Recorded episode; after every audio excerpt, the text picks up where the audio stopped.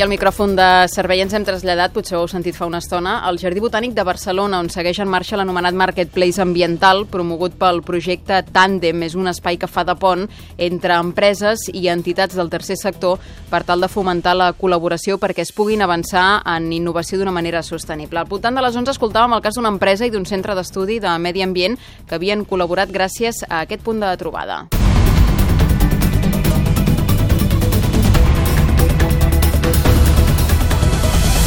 A veure què ens expliquen a aquesta hora. Unitat Mòbil, Jesús López i Mariona Costa, bon dia. Bon dia. Doncs ara mateix ens trobem a un dels espais més interessants d'aquest Marketplace, l'Espai Àgora, on hi ha quatre taules per on van passant els participants i cadascun té un quart d'hora per exposar el que ofereix a demanda en un context bastant proper i amigable. Per exemple, hi trobem l'empresa Siemens i el Consorci de la Zona Franca que busquen una solució per l'alta presència del mosquit tigre a les seves instal·lacions, eh, preferentment basada en la lluita biològica, no química, però hi ha altres casos, com el de la Fundació EMIS, dedicada a la gestió integral del patrimoni rural, i el restaurant Montvínic i Fasvínic de Barcelona, que tenen la filosofia de quilòmetre zero i avui intenten establir sinergies.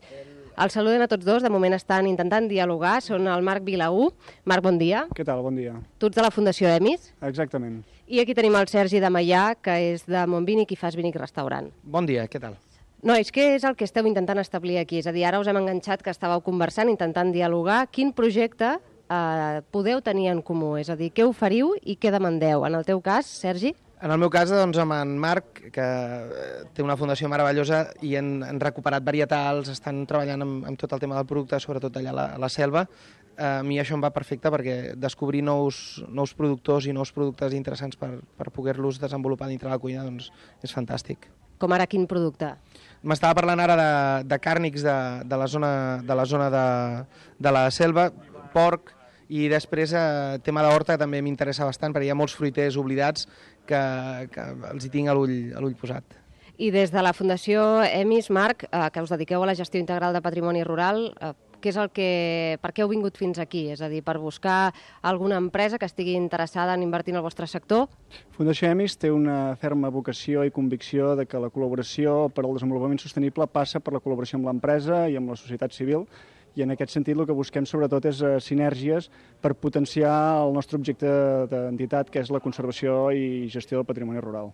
I en aquest sentit, creus que ara conversant amb el, amb el Sergi, que els restaurants Montvínic i Fasvínic poden complir aquest objectiu, aquesta filosofia? Realment el, la filosofia de, de, de Slow Food i de quilòmetre zero, de, de, de Montvínic i de Fasvínic, són un exemple clar de cap on pot tirar l'empresa en la col·laboració i en la gestió de, del patrimoni rural.